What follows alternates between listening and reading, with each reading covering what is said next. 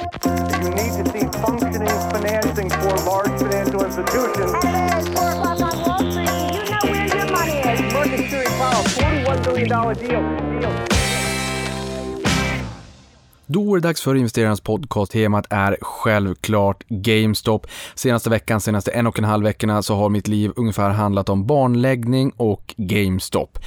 Och eh, det är också därför, återigen, podden är sen den här veckan. Det är, eh, det bara smattrar alla intresserade av GameStop. Självfallet, telefonen ringer som ringklockan på morgonen. Den kan man ju snosa, men telefonen kan man ju inte snosa på samma sätt. Alla pratar GameStop. Will GameStop stop? Så det här är ju oerhört intressant och eh, en del, många av er har också funderat kring min bild av det här och jag vet att jag är sist på den här bollen. Det har skrivits spaltkilometer om GameStop, men i det här fallet så får vi väl helt enkelt göra så att jag bubblar lite grann, lite kort här i podden om GameStop och sen tar vi allt nyhetssvep och allting nästa vecka helt enkelt. Och, eh, men som plåster på såren så kan jag säga att efter det här avsnittet så kommer jag också att lägga upp ett två timmar långt avsnitt med Erik Selin, eh, VD och grundare av Balder oerhört intressant, gästades av honom igår. Det är klart, två timmar, då ska det också redigeras och det tar en liten stund.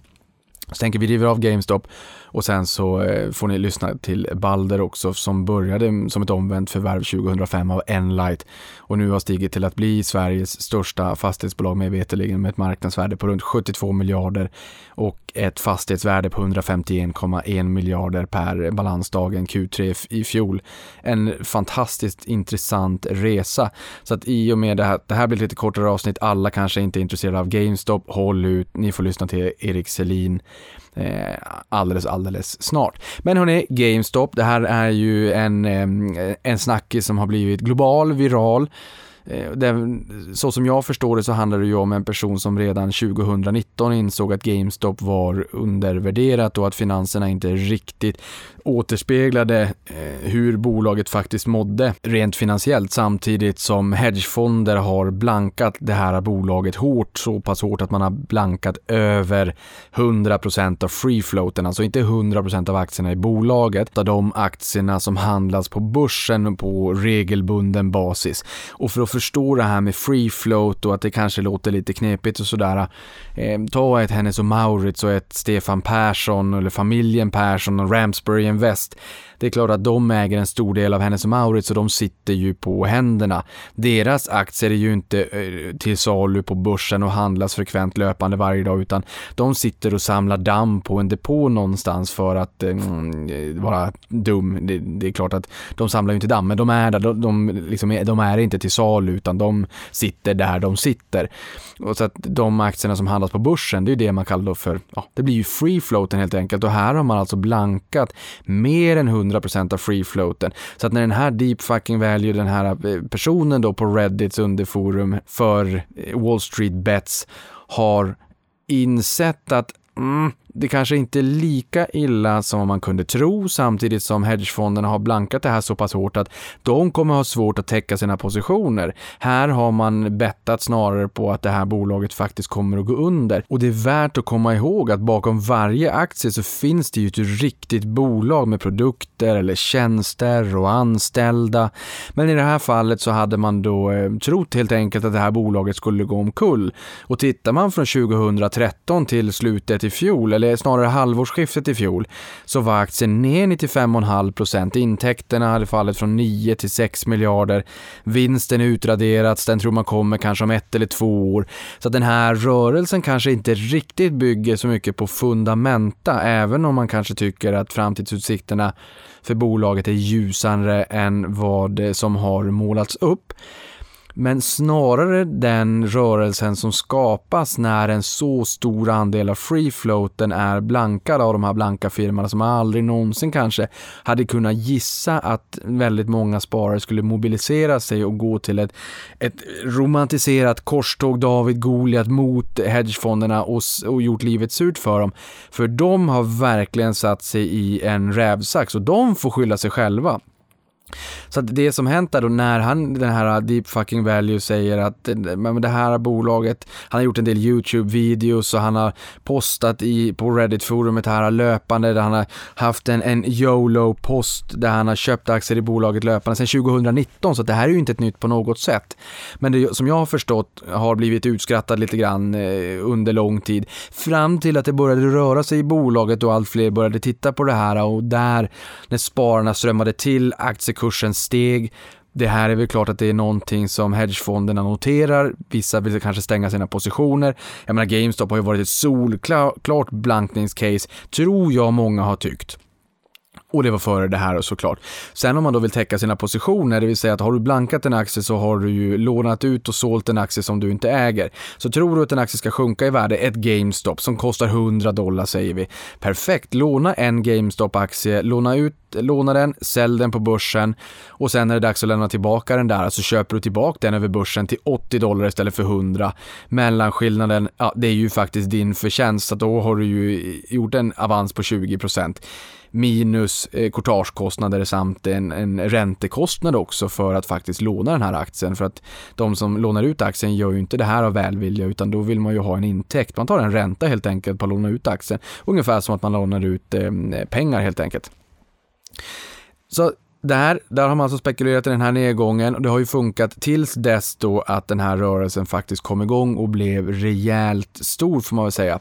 Från början korståg, många gillar inte blankare och det är såklart så att blankning Eh, som sådant fenomenet finns här och det kan vara nyttigt också och bidrar till prisbildningen på marknaden och att det inte enkom är en euforisk eh, bubblig handel där allting bara stiger till skyarna för det vet vi så är det ju inte. Jag menar jag kan ju bli frustrerad ibland men det är ju en som har för några år sedan som, som blankade Avanza och en, en tidning som rekommenderade till och med att blanka Avanza det var väldigt fel. Det jag gjorde i ett sånt läge är att man knyter näven i fickan och jobbar dubbelt så hårt. Men kortsiktigt så kan det ju faktiskt bli så att en aktie har stigit alldeles för mycket, även om det är ett fantastiskt bolag, så kan ju det i, i det korta perspektivet, aktien och bolaget utvecklas åt olika håll. Ibland kan det vara så att aktien faller kraftigt samtidigt som eh, bolaget går fantastiskt bra och då kliar man sig i huvudet. Och ibland är det så att aktien går fantastiskt bra kanske bolaget också gör, men kanske inte i samma utsträckning. Och då kommer man ju se att eh, en korrigering, allt som oftast i alla fall, att aktien faller tillbaka lite grann mot det långsiktiga snittet. Erik Selin som ni kommer få höra här äh, i, i mm, podden i nästa avsnitt pratar lite grann om det, att säga att en tillgång kostar 100 kronor, ja men då kanske den kommer handlas mellan 80 och 120 ungefär. Lite grann som när man flyger flygplan, det blir lite turbulens, man spänner på sig säkerhetsbältet, man vet att man tar sig från A till B. Så även de absolut bästa bolagen har ju en aktiekurs som rör på sig såklart varenda dag från klockan 9 till 17.30.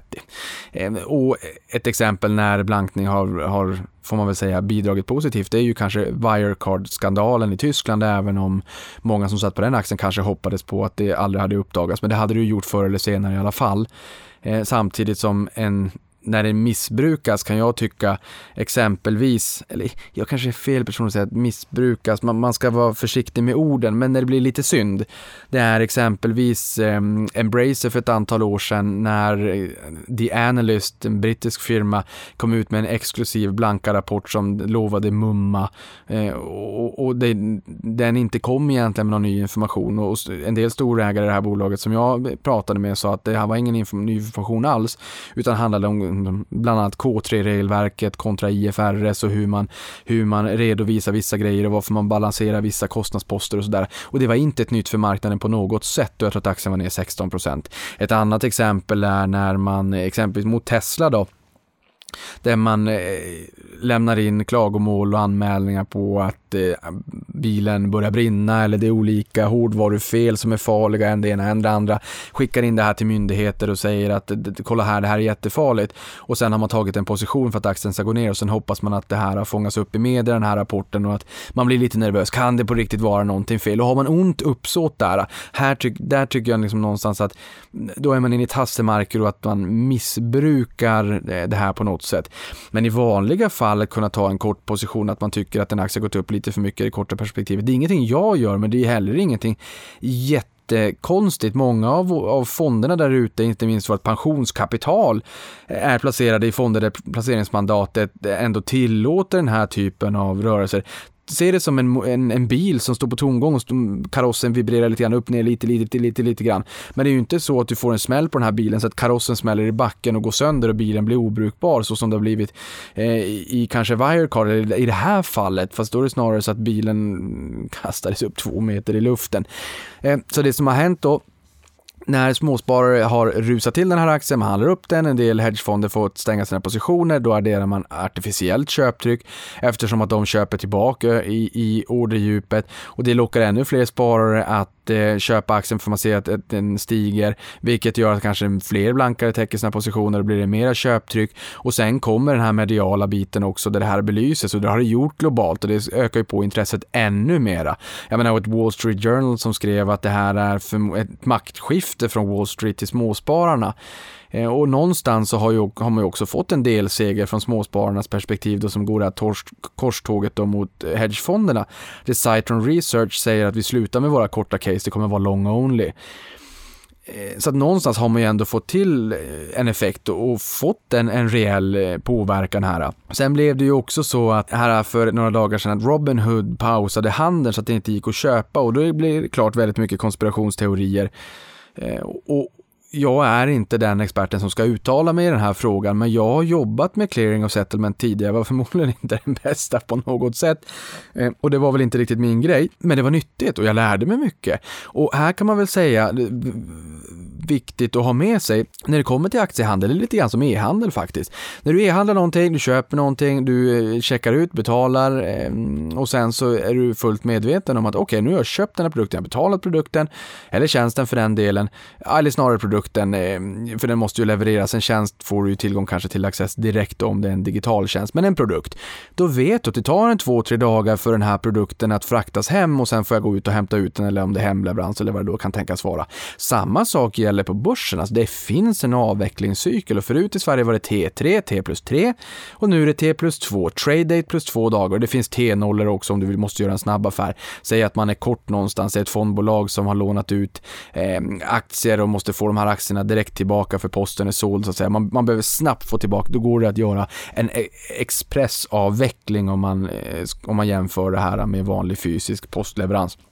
Men T2, trade date plus 2. Så säg att du köper ett GameStop på måndag. Det innebär i sådana fall att affären faktiskt är avvecklad, settlad på onsdagen. Så trade date plus 2, trade date är måndag, eh, tisdag 1, onsdag 2, då ska affären vara avvecklad. Och vad jag menar med det, det är att då ska både ägare av aktien och pengarna ha skiftat händer. Och vi vet ju exempelvis med ett Lehman Brothers att vad händer om det är så att en motpart går i putt? Motparten.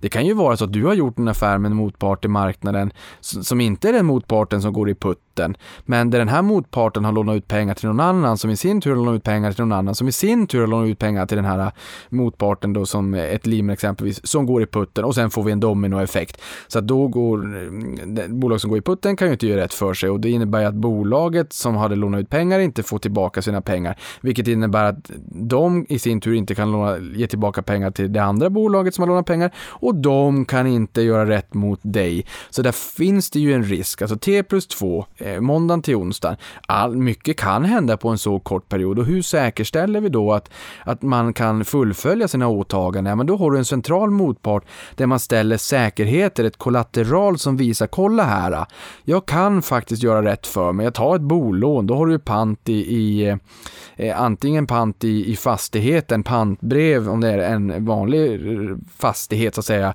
eller ett utdrag ur lägenhetsförteckningen där styrelsen skriver på och, och godkänner pantsättningen då om det är en bostadsrättsförening. Och samma sak gäller här att det ska finnas säkerheter, för då går en central motpart in i marknaden och säger okej, okay, men vi vet att Niklas och, och poddlyssnaren här, även om någon av dem skulle råka ut i trassligheter så vet vi att båda kommer kunna fullfölja sina åtaganden i den här affären, för det finns ställda säkerheter. Och här har det ju varit en fenomenal, euforisk handel i, i GameStop. Och som jag har förstått det så har man gått ut och sagt att hörni, nu måste ni ställa betydligt mycket mera säkerheter, rejält, rejält mycket mera säkerheter. Och där hade man inte eh, pengar till det här, så därför har man gjort en, en, två stycken, tagit in pengar vid två tillfällen, enormt stora miljardbelopp. Och kollegor som jag har pratat med är också, det är klart vi bubblar ganska mycket kring det här också, det är en global snackis. Men det man kan tycka är så här, okej, okay, hade inte de kunnat förutse det här? Jag menar, det är en euforisk rörelse, GameStop, sen jag kollade, nu har jag inte kollat exakt när jag sitter och pratar här då, eller ja det har jag, den var upp 7% innan jag började podda eh, och ner två dagar i rad då, men alltså från årslägsta i fjol till toppen så var den upp 10 000%. 10 000 blir en miljon, fullkomligt irrelevant för man kan inte kunna pricka botten och förutse det här, men bara så att man sätter siffran i någon form av kontext. Och den är euforiska handeln som drog igång slutet januari, ja men det kanske man inte hade kunnat förutse och att man då inte hade de säkerheterna på plats att kunna ställa. Vilket innebär att man då kanske måste pausa handeln. Det blir inte bra för det kommer att bli konspiratoriska eh, funderingar kring varför pausar de handeln här? För jag menar, de har gratis aktiehandel men det är inte gratis någonstans i USA, inte för fem öre. De har payment order flow, det har vi inte i Sverige. De säljer flödena eh, och det här har jag ju pratat om tidigare göra det. Ta en person som vill köpa en aktie och en person som vill sälja en aktie. Du vill köpa för 100 och någon vill sälja för 101. Perfekt. Man buntar ihop de här orderna, skickar iväg dem till en tredje part, vilket innebär att köparen får betala 101 och säljaren får 100. Kvar finns en krona på bordet och den kan man dela på mellan, mellan Robinhood exempelvis då och ett eh, Citadel. Eh, och så det, kunden blir ju satt i, i baksätet. Jag säger inte att det är exakt så här hos dem nu, exakt de här siffrorna, men så det fungerar när det är payment order flow. Du, du säljer flödet till någon annan, men Avanza vi är ju börsmedlemmar på börsen när det kommer till svenska börsen. Vi skickar ju ut direkt på börsen, så ser du, säljer du 100 aktier i en aktie, då kan du se i avslutsticken AVA 100, NON 100. Det vill säga att AVA sålde 100, Nordnet plockade upp 100. Eh, där ser man direkt. Men när det är utländska marknader, där är ju inte vi börsmedlem i USA. Det är ju inte Nordnet eller någon av storbankerna i Sverige heller, utan då går vi via en broker som handlar istället. Eh, men där istället då i USA och många av de här aktörerna, perfekt, de skickar till en tredje part, de får betalt för att de skickar de här flödena till en tredje part. Så att exempelvis hedgefonder eller högfrekvenshandel kan sneakpika lite grann och se vart är sentimentet på väg? Är kursen på väg upp eller ner? Och hur kan vi dra nytta av det här? Alltså vi tjänar lite pengar på varje enskild transaktion och det innebär att kunden, i det här fallet, kunden är inte kund, kunden är en produkt. Det är väldigt viktigt att ha den distinktionen. Kunden är inte kund, kunden är en produkt. Hos oss är kunden kund, inte en produkt. Och det här har vi ju sett och blivit varse om senaste tiden i allt större utsträckning när det kommer till exempelvis ett Facebook eller ett Google eller alla typer av tjänster som är fantastiskt bra för att de, de, de gör livet så mycket enklare men när man inte riktigt betalar så här, hmm, hur får de betalt? Jo, du är produkten. Samma sak i det här fallet. Sen har jag också förstått att det är mycket konton där det är liksom kreditfinansierat och att man även handlar väldigt mycket med optioner. Så det blir några enorma hävstänger. Jag hörde The Economist i helgen som sa att det var en person som hade investerat 50 000 dollar Eh, i optioner är det ganska vanskligt, eh, som hade blivit 50 miljoner dollar då när jag lyssnade. Så det har varit enorma rörelser, så jag tror att den här euforiska rörelsen berusar också många människor. Ehm, och det är klart, jag ska inte säga vad värdet är i GameStop, jag vet inte, jag förstår att det är en teknisk bit som gör att den kanske skulle kunna handlas upp för att den är så hårt blankad, för att blankarna hedgefonderna satt sig i en rävsax, en rejäl rävsax. Men man ska också komma ihåg att när det här, när det här slaget är över så finns det ett bolag här bakom bakom. Och är bolaget värt de nivåerna som det handlas till just nu? Det är förmodligen många, säkert du som lyssnar på det här, som inser att det är den här tekniska biten, det är short squeezen eller gamma squeezen för att det handlar om, om derivat också. Det är inte bara aktier utan så, så pass många derivat som är involverade i den här rörelsen också. Det är det det handlar om just nu. Ja, men den här rörelsen kan också locka in många småsparare som tror att wow, det här ska man äga långsiktigt. Då om man är den småsparare som tänker så, så ska man nog också försäkra sig om att man gillar bolagets framtidsförutsättningar och bolaget bakom GameStop. Och det hade varit helt fine om det, hade, om det bara hade handlat om GameStop, men nu gör det inte det. Vi har sett den här rörelsen ha, gå utanför GameStop. Vi har sett det i AMC som är eh, världens största biografkedja. De köpte Nordic Cinema Group som i sin tur in, inkluderar SF Bio. De har haft det enormt tungt. De har också haft en aktie som har pulveriserat under de senaste åren. Inte, som då inte började med coronapandemin, men det gjorde ju saken, inte saken lättare så att säga. Sen fick de till en rejäl finansiering där vdn sa att nu är konkurs och konkursskydd, det, det är off the daily agenda, vilket var bra, två tummar upp. Men också varit hårt blankad. Så där har många som har sett den här rörelsen i GameStop, de har gått vidare till ett eh, AMC, det är ju de två som kanske är de största snackisarna. Sen har vi Nokia och det har varit lite prat om Ericsson, det har varit Blackberry som varenda en hade som tjänstetelefon innan, innan folk fick ha eh, iPhones som tjänstetelefon.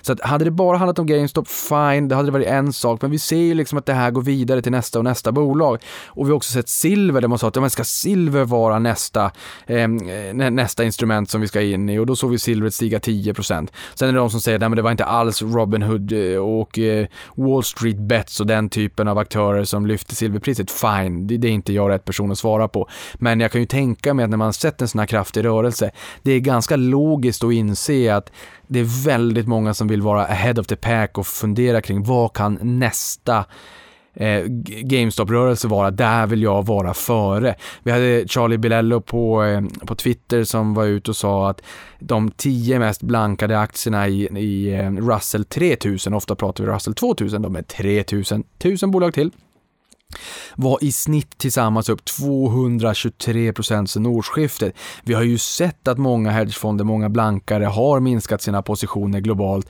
för man vill helt enkelt inte fundera kring, eller man är lite orolig kring, kan vi vara nästa mål för de här synkroniserade tillströmningen av sparare helt enkelt. Jag menar en gång i tiden när man blankade, vad var det värsta som skulle kunna hända?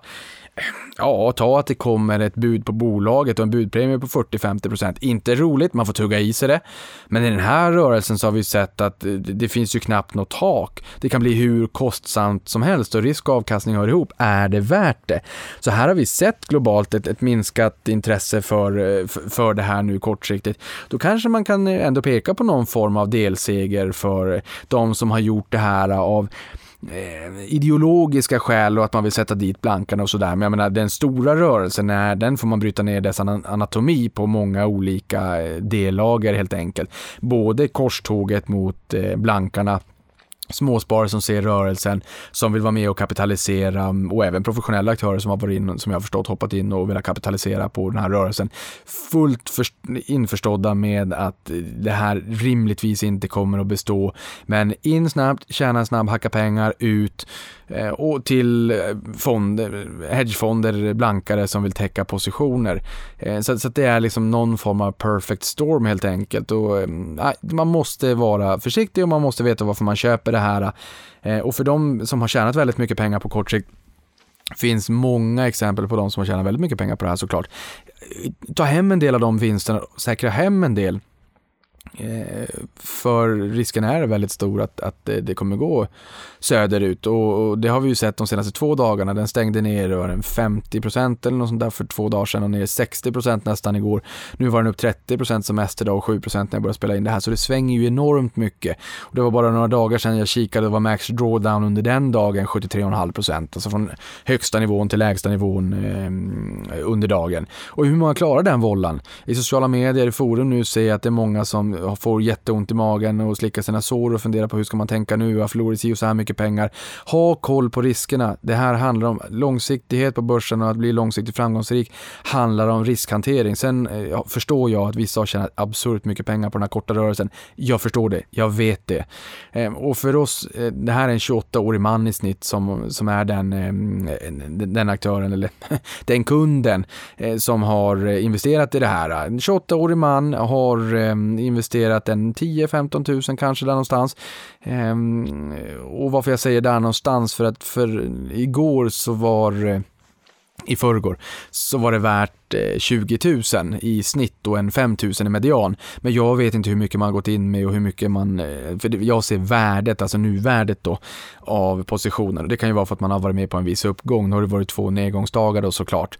Men eh, det är ändå, man kastar inte in hus och hem. Och det här har vi sett i Norwegian också. Vi har ju blivit största ägare här för en tid sedan, Avanza då i Norwegian. Och då var det 2700 i snitt eller 900 i median. Fine.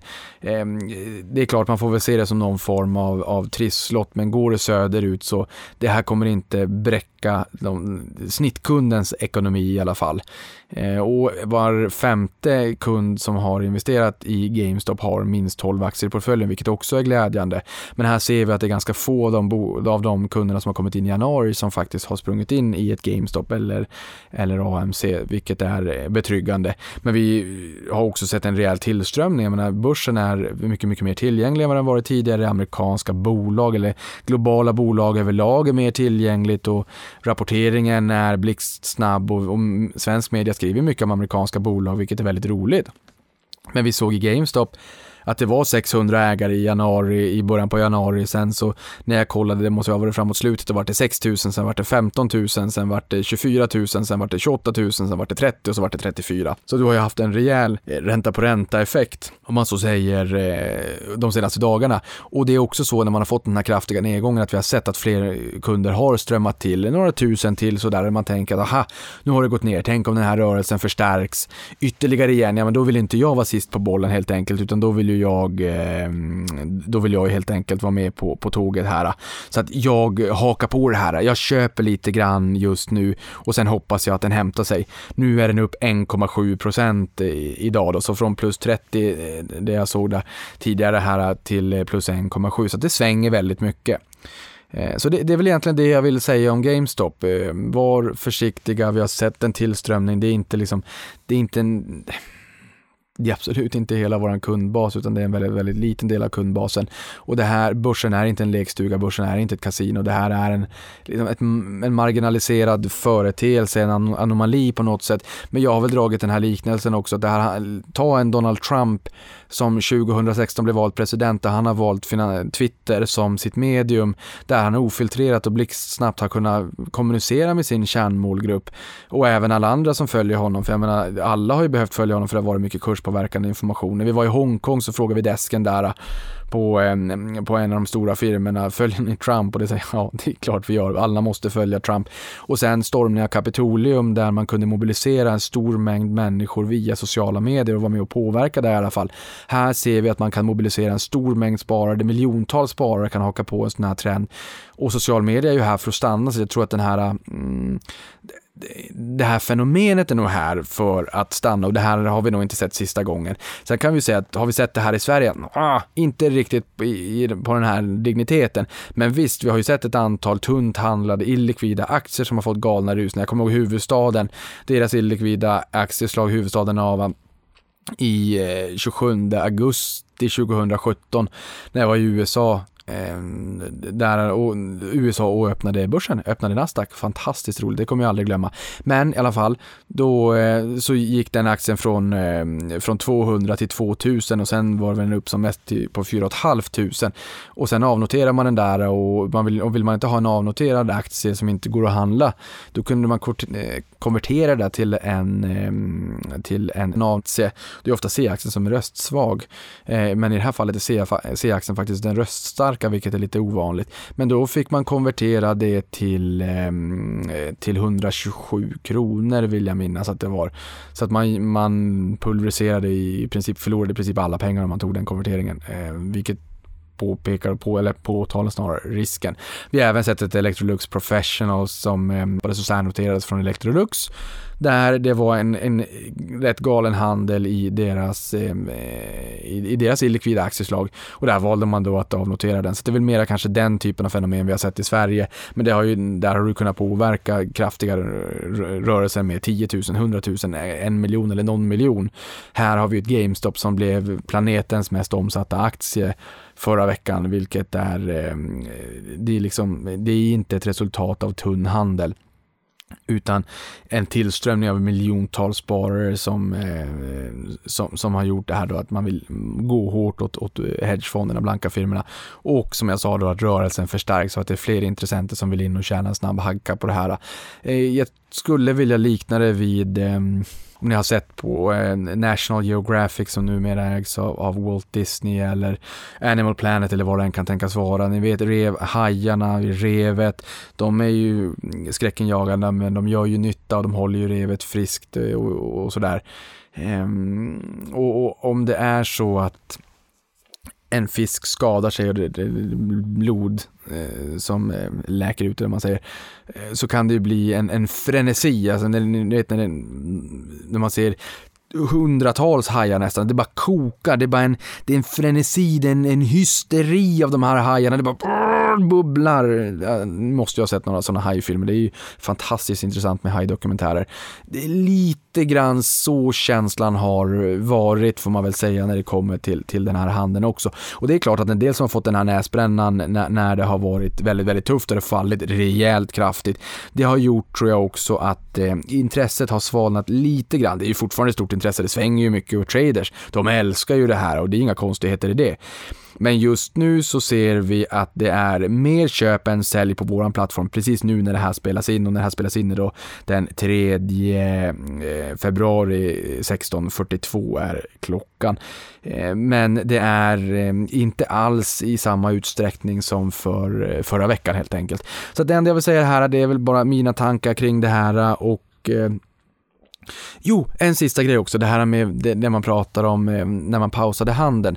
Det är ju att Ehm, Robin Hood, som jag förstår det, säljer flödena till Citadel och Citadel eh, och, och, och, ta nu inte det här för liksom en, en, absolut sanning utan var källkritisk till det jag säger nu. Men som jag har förstått det så hade de också lånat ut pengar till Melvin Capital som är en av hedgefonderna som tar rejält med stryk på grund av den här rörelsen.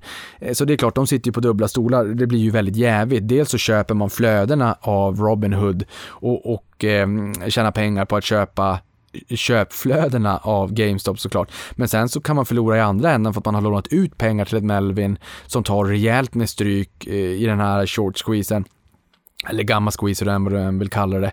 Eh, och, och det är klart att det som är bra för flödet, Robinhood när man köper flödet, det kan ju vara rejält dåligt om Melvin åker på putten, därför då kommer de inte kunna betala tillbaka sina pengar. Eh, och kan de ha agerat påtryckning här på, på eh, Robinhood Citadel här då, liksom att pausa handeln för att den, den här parten som vi har lånat ut pengar till, vi vill liksom inte att de trillar och, och landar på näsan.